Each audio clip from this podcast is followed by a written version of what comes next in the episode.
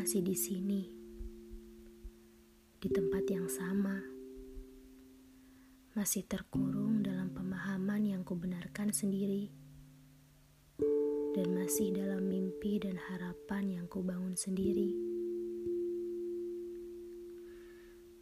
Perihal datangnya kamu, mungkin aku terlalu cepat menyimpulkan semua rasa yang menyapa hati karena kau selalu ada, aku merasa sangat diistimewakan.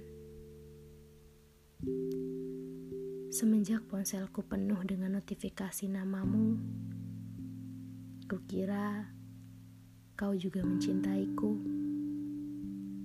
Kau banggakan aku di depan teman-teman dan keluargamu.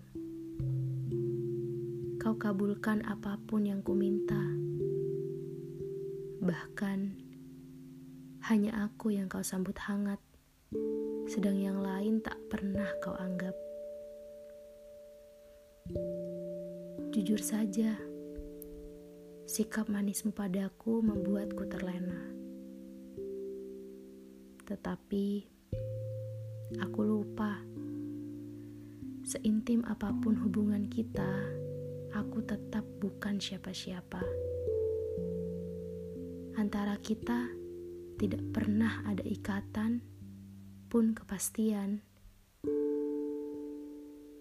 Jika sekarang kau menghilang, lantas perasaan ini harus kuapakan? Untuk memintamu kembali saja, bahkan aku tak punya nyali. Aku baru mengerti ada hal yang lebih sakit daripada patah hati.